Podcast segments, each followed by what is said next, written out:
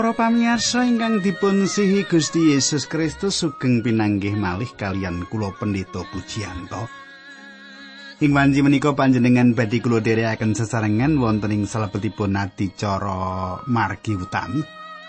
Kados pundi kabar panjenengan kateng kula menapa ing wekdal menika panjenengan dipun berkahi Gusti Allah. Wonten ing kahanan bingah inggih kados mekaten pandonga kula panjenengan tansah wonten ing kahanan ingkang bingah makaten.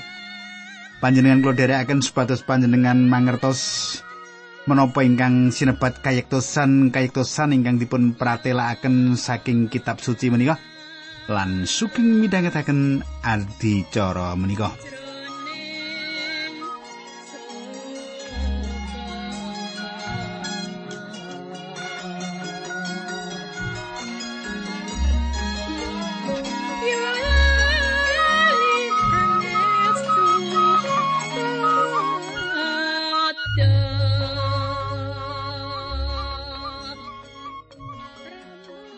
Pamirsa, menapa panjenengan tasih kemutan menapa ingkang kula aturaken duk nalika pepanggihan kepengker? Menawi panjenengan radi supe-supe, kula badhe meratelaken dumateng panjenengan. Ing pepanggihan kepengker Paulus meratelaken nglairaken bilih katresnan utawi sih rahmatipun Gusti Allah menika dipun paringaken dumateng tiang-tiang ingkang purun pitados dumateng Gusti Yesus Kristus. Nggih. Salajengipun kados pundi nanging sadèrèngipun menika monggo kita tumungkul kita ndedonga langkung rumiyin. Duh Kanjeng Rama ingkang ade dampar wonten kratoning kasuwargan kawula ngaturaken gunging panuwun menawi wekdal menika kawula saged tetunggilan kalian sedherek kawula lan kawula badhe malih sinau kayektosan kayektosan ingkang paduka pratelaken saking kitab suci menika.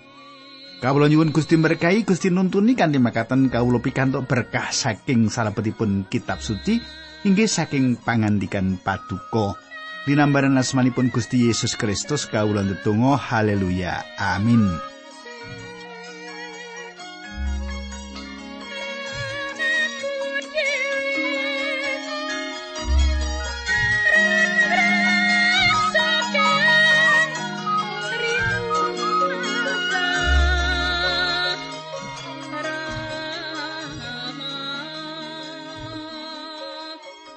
Para pamirsa samenika pasinaon kita sampun lumebet ing serat Rum bab 11. Nah, samenika badhe kawiwitan wiwit ayat 23 mangkeh majeng-majeng ngantos dumugi pinten wekdalipun ngaten nggih.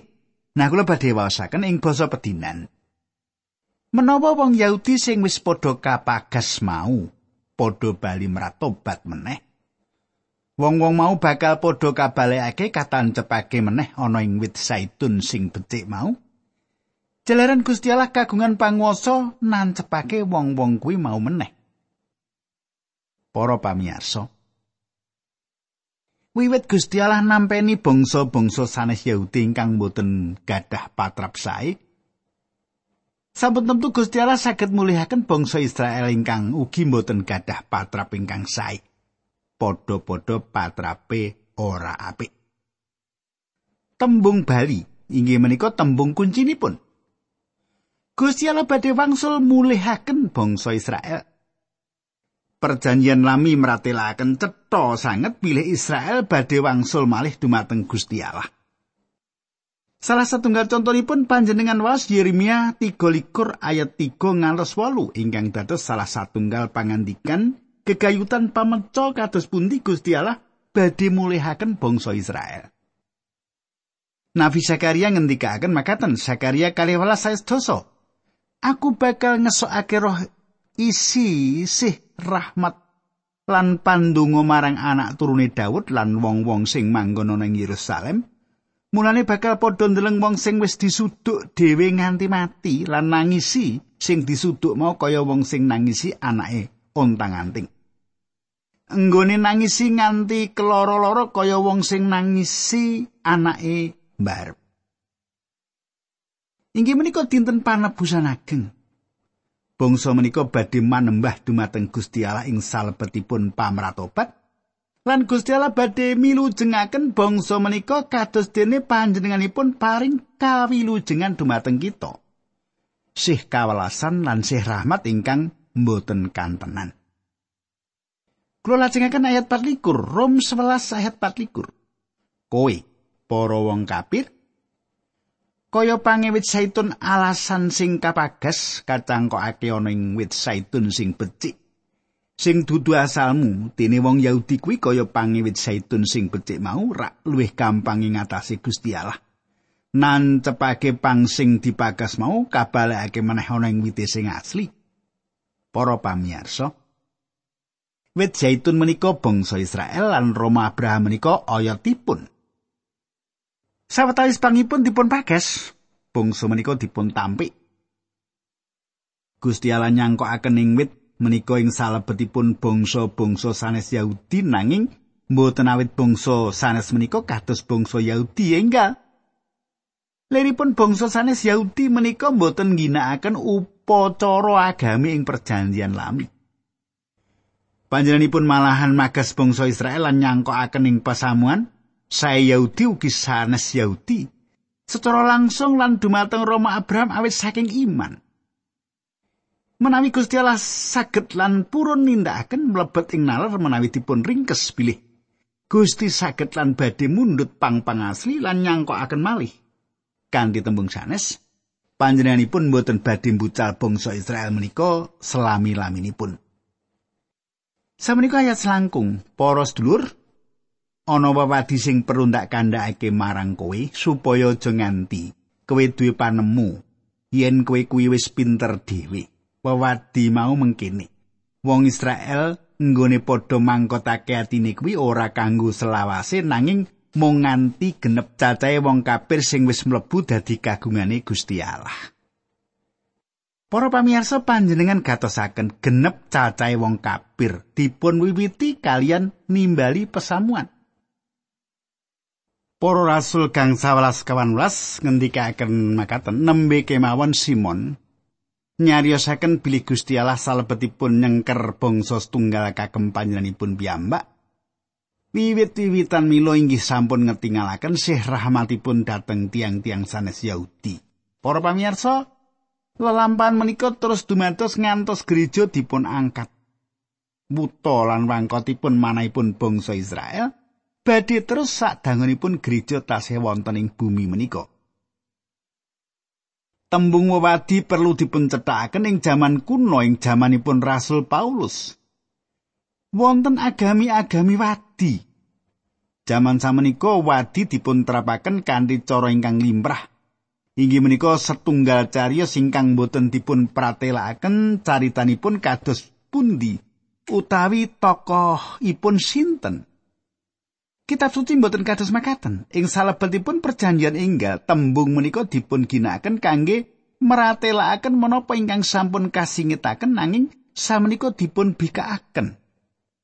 Wading mriki satunggalipun panggenepan kangge bangsa sanes Yahudi ingkang sanes dados sumber wahyu ing salebeting perjanjian lami. Samenika ayat 6 likur lan pitu likur.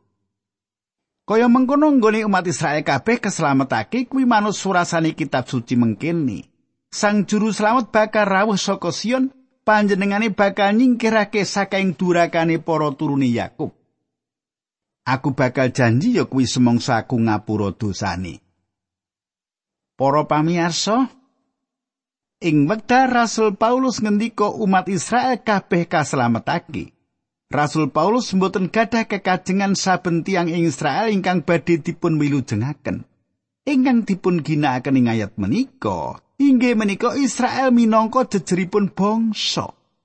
Ing saben mangsa namung sisanipun kemawon ingkang wilujeng, cuplikan ingkang dipun ginakaken Paulus saking Yesaya 59 ayat 30 ing perjanjian lami inggih menika pangandikane pangeran marang umate aku bakal rawuh ing Yerusalem ngayomi kowe lan ngluwari sedulurmu sing padha mertobat saka dosa-dosane. Dawuh kangge saben tiang inggih menika, tiang-tiang menika kedah mertobat saking anggenipun dados tiang ingkang nerak angger-angger lan manembah Gusti. Badhe wonten sisa ingkang mertobat dumateng panjenenganipun. Tiang-tiang sedaya badhe dipun wilujengaken. Panjenenganipun ngrembak bab sisa ingkang wilujeng minangka bangsa Israel. tansah wonten satunggal sisa ingkang wilujeng. Wonten satunggal sisa ing jaman Elia, wonten satunggal sisa ing jaman Daud, wonten satunggal sisa ing jaman Paulus, wonten sisanipun, wonten sisa ing jaman samenika lan badhe wonten sisa sadangunipun mangsa kasangsaran ageng. Ha, cepet nggih. Nah, saniki ayat 28 ngantos 29. Merga wong Yahudi padha nampi Injil padha dadi mungsuhe Gusti Allah. Kuwi dadi becikmu para wong dudu Yahudi nanging merga kapilih dening Gusti Allah. Wong Yahudi mau padha dadi mitrane Gusti Allah krana saka para leluhuri. Sebab Gusti Allah kuwi penggali ora malih tumrap wong sing wis dipilih lan diberkahi. Kanthi tembung sanes para pamirsa kanthi sumber saking Injil bangsa Yahudi menika dados mengsah Allah demi panjenengan. Kanthi sumber pemilihan bangsa Yahudi menika dados ingkang kinasih demi leluhur. Sebab ganjaran kasukman saking sih rahmat lan timbalan Allah mboten nuntut pamratobat. Mboten nuntut ewa-ewan pikiran. Rasul Paulus ngringkes menapa ingkang dados rembaganing wekdal rumiyin. wonten kalih garis pikiran ingkang ketingalipun ngalami geger lan nelawanan sinaosa kakalihipun leres. Ing tingkat wiwitan Israel dipun anggap mengsah bangsa-bangsa sanes Yahudi ingkang dipun kajengaken Injil saged mlebet ing bangsa-bangsa sanes Yahudi. Ing tetinggalan sanes bangsa Yahudi menika ingkang dipun si Allah awit Abraham, Ishak lan Yakub. Awit saking menika tiang Kristen boten saged terus nglajengaken sengit dumateng paham semit ing kahanan menapa kemawon. Inggih menika ingkang kula kajengaken saderengipun lan kula terus meratelaken bab menika. Kegagalan Israel lan kegagalan kita ugi mboten saged ngribah rancangan lan karsanipun Gusti Allah. Salajengipun kadang kula tembung penggali ora malih utawi sih rahmat sanes rahmat ingkang asli nanging tembung ingkang gegayutan kalian sih rahmat. Timbalan sana satunggalipun ajaan nanging timbalan ingkang gadah akibat saking Gusti Allah lan ingkang boten dipun getuni. Kanthi tembung sanes Gusti Allah malah boten nuntut pamratobat saking tiang-tiang ingkang dereng wilujeng. Timbalan Allah boten nuntut menapa-menapa saking manungsa. Saking pamirsanipun Gusti Allah timbalan menika mboten nuntut pamratobat utawi ewa-ewan pikiran manungsa. Sawetawis tiang gadah pikiran. Tiang-tiang menika kedah netesaken loh supados dipun wilujengaken sampun tentu tete sing loh saged dipun tingali tiang ingkang kebak rasa pamratobat dumateng Sang Kristus. Nanging tetes loh babar pindah mboten wonten gegayutanipun kalian kawilujengan panjenengan iman dumateng Sang Kristus kemawon ingkang saged milujengaken panjenengan. Sanes ugi iman awet saking labuh labet panjenengan, Sang Kristus kemawon ingkang gadah lelabetan. Iman panjenengan dados jalaran panjenengan sumarah dumateng panjenenganipun. Nah, samenika kita lajengaken ayat tigang dosa lan tigang dosa setunggal Rom 11. Makaten surasipun Rum 11 ayat tigang dosa, tigang dosa setunggal. Mungguh kue para wong dudu Yahudi biyen kue padha mbalela marang pangeran, nanging saiki merga saka pamurang sarake wong Yahudi, kowe wis padha tampa sih kamirahani Gusti Allah. Mengkono uga merga kowe wis padha nampani sih rahmat wong Yahudi saiki padha mbalela, nanging wekasane uga nampani sih rahmati Gusti Allah. Para pamirsa. Paulus senat dumateng bangsa-bangsa sanes Yahudi inggih menika pasamuaning Rom ingkang saperangan ageng warganipun sanes tiang Yahudi. Ngantos medal menika kathah bangsa ingkang sanes Yahudi ingkang dipun milujengaken. Ing mriki Paulus damel bab ingkang lelawanan antawisipun tiang Yahudi lan sanes tiang Yahudi ing jaman kepengker. Bangsa-bangsa Israel mboten pitados nanging samenika sisa bangsa-bangsa sanes Yahudi sampun nampeni sih kamirahan. Sadangunipun mangsa menika ugi Israel minangka bangsa ingkang rumiyinipun pitados samenika mboten malih. Paulus nyukani watonan ingkang kalian piyambakipun Gusti Allah milu jengaken bangsa Yahudi ugi milu jengaken bangsa sanes Yahudi. Inggih menika awit saking sih rahmat. Inggih menika awit saking sih kamirahan. Kados dene Gusti Allah nedahaken sih kamirahan dumateng bangsa-bangsa sanes Yahudi. Panjenenganipun badhe nedahaken sih kamirahanipun ugi dumateng bangsa Israel. Kita lajengaken ayat 3 dosa kali. Sebab wong kabeh wis didadekake tawanan mergo pambalelane supaya Gusti Allah nglairake sih piwelase marang wong mau.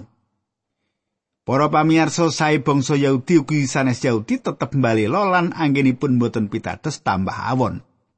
Cepi panjenengan semak Efesus kali ayat 8 lan 9. Sebab nggonmu dipari keselamatan kuwi mergo sih rahmate Gusti Allah. lantaran nggonmu percaya marang Gusti Yesus keselamatan kuwi dudu ing pambudidayamu nanging paparinge Gusti Allah. Mulane ora ana sing kena kok nggo alasan gumunggung sebab kabeh kuwi dudu ing panggawemu dhewe. Nanging katang kula kenging menapa bangsa Israel dipun pulihaken? Jawabanipun inggih menika wonten ing tembung kunci ing salebetipun kaluberan kawicaksanan Allah. Monggo kita sumindhe ing kasunyatan pilih menapa ingkang Gusti Allah tindakaken menika wicaksana. Menapa ingkang dipun tindakaken Gusti Allah menika leres? Menapa ingkang dipun tindakaken Gusti Allah menika inggih menika ingkang paling sae ingkang saged dipun tindakaken. panjenengan lan kula gadah sifat lami ingkang nangkretaken putusanipun Gusti Allah. Kulo nate mireng kathah tiang Kristen ingkang tanglet kenging menapa? Kenging menapa tiang kafir kesasar ing wekdal tiang-tiang menika dereng mireng Injil? Gusti Allah mboten gadah hak paring pahukuman dumateng tiang-tiang menika para mitra kula. Gusti Allah gadah samukawis hak ingkang mboten saged dipun pikiraken dening manungsa. panjenenganipun menika Allah. Lan menapa ingkang dipun tindakaken nggih menika leres. Menawi panjenengan boten gadah penggalih pilih, menapa ingkang dipun tindakaken Gusti Allah menika leres? Pramila menapa ingkang panjenengan penggalih menika lepat. Lepat. Lan menawi panjenengan gadah penggalih pilih panjenenganipun Gusti Allah boten pinter. panjenengan lepat. Lepat. Gusti Allah menika mboten bodho kata kula. panjenengan kula ingkang bodho sanes Gusti Allah ingkang bodho nah kita kedah mangertos perkawis menika katang kula kula lajengaken ayat 33 ibu agungi kasugiane Gusti Allah. Saebo jeroning pamirsa lan kawicaksanane sapa sing bisa nerangake carane damel putusan? Sapa sing ngerti tumindake bakaryane para pamirsa. Paulus sampun lumebet ing papan ing pundi piyambakipun ngakeni kawicaksanan lan kaluhuran sadayanipun ingkang sampun dipun sinau. Pratelanipun godet ing perangan ingkang pantes dipun cuplik makaten kaya wong kang ngumbara kang wis nggayuh pucuk ing pegunungan Alpin sang rasul Bali lan gegilut. Jero ana ing sikile nanging ombak ing sunar kang madangi dheweke lan sumebaring sakiwa tengene alam kang jembar banget sak doyangun kita nyawang. Perangan menika sedayanipun inggih menika pepujian lan babar pindah mboten wonten landesanipun nanging perangan menika satunggalipun landesan ageng piyambak ingkang nate wonten. Menawi kita mboten mangertos king menapa Gusti Allah purun urusan kalian bangsa Israel, purun urusan kalian bangsa-bangsa sanes Yahudi, lan purun urusan kalian kita sanes awit mboten wonten alasan ingkang saelan nyekapi. Kangenanipun wonten ing anginipun boten kuwawa kita mangertos kawicaksanan lan margi-marginipun Gusti Allah. Dupi panjenengan semak setunggal Korintus kali ayat 14 sing sapa ora kadunungan roh Gusti Allah. Ora bisa nampa ngerti marang ganjaran-ganjaran sing diparingake dening roh mau. Ing ngatasé ganjaran-ganjaran kuwi manungsa dianggep bodho sebab biasane ngerti mung yen kabiyantu dening roh Gusti Allah. Para pamirsa ing wekdal lari kula sakit adem panas, kula mbeto lari kula menika dhateng griya sakit. Lari kula menika mboten mangertos kenging menapa kula mbeto dhateng griya sakit ing wekdal dokter mriksa lari kula menika lari menika lajeng nangis. Lari menika tanglet Pak, kenging menapa Bapak beto kula dateng mriki to? Lari kula menika mboten mangertos kenging menapa kula beto piyambakipun dateng griya sakit. Inggih awet lari menika sakit, mila kula nindakaken perkawis ingkang wicaksana.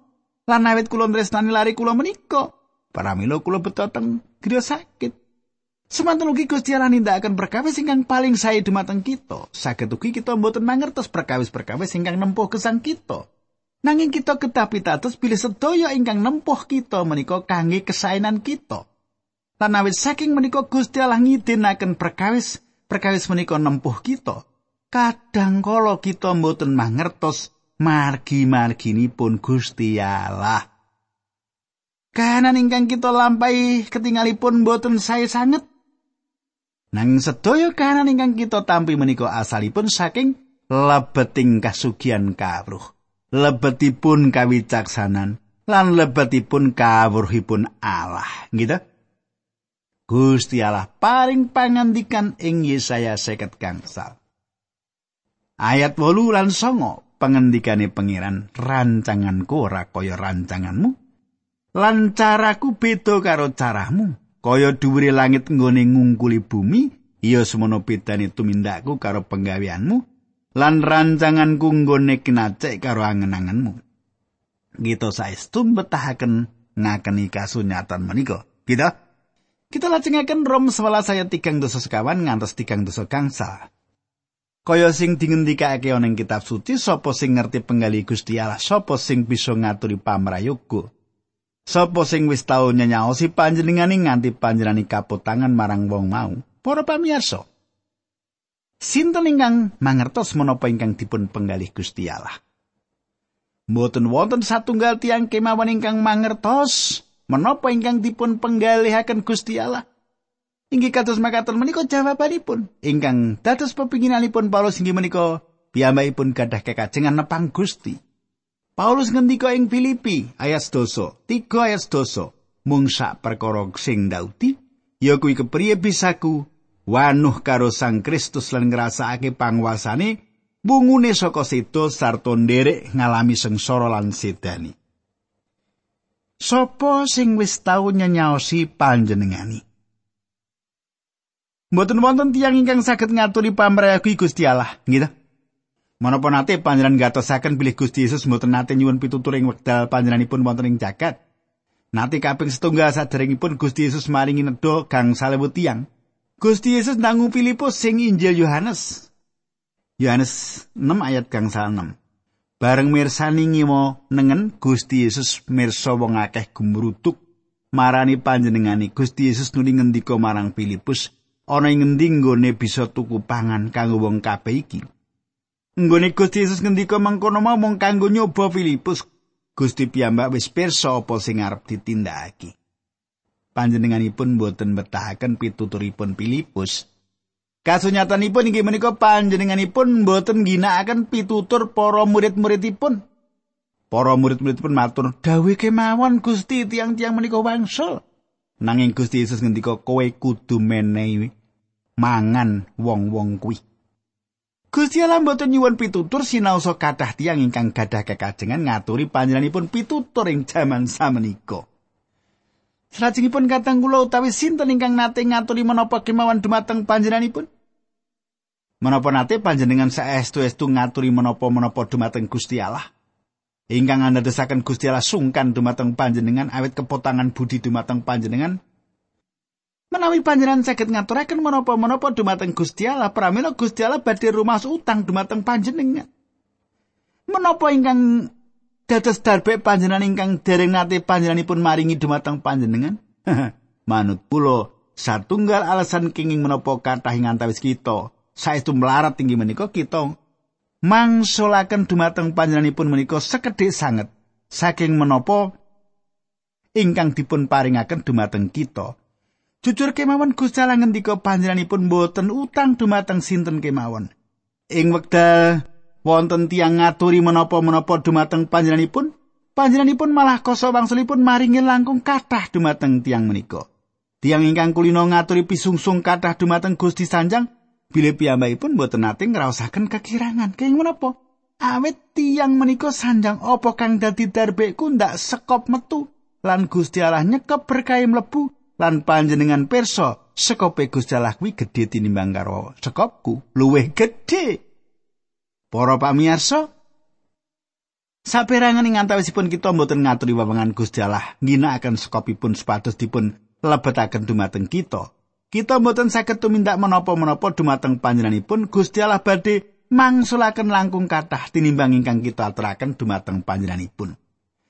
Ayat 36 Rom 11 awit Gusti Allah kuwi nitahake samu barang.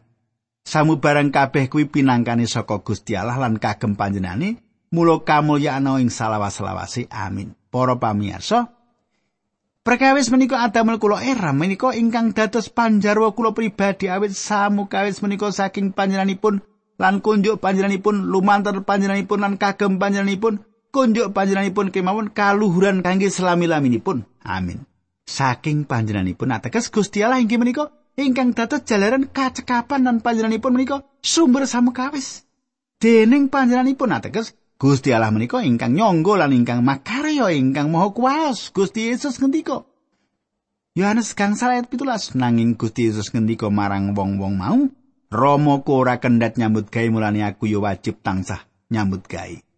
Marang panjenengane ateges Gusti Allah nimbali sedaya tumitah supados tanggal jawab dumateng panjenenganipun. Samukae sambanyu mili dumateng Gusti Allah. Kangge panjenenganipun kaluhuran. Kuluhuran ingkang menika kagem panjenenganipun ing sak lami-laminipun. Menapa kita ngrampas kaluhuran saking Gusti Allah kanthi ngakeni perkawis-perkawis ingkang sayektosipun boten pantes kita akeni? kaluhuran namung kunjuk Gusti Allah. Kadang kula kula tekapi semanten monggo kita ndedonga. Dukan Rama ing swarga kawula matur nuwun sanget lan kawula pasrahaken sedherek kawula menika wonten ing asta paduka linambaran Gusti Yesus kawula tunggu.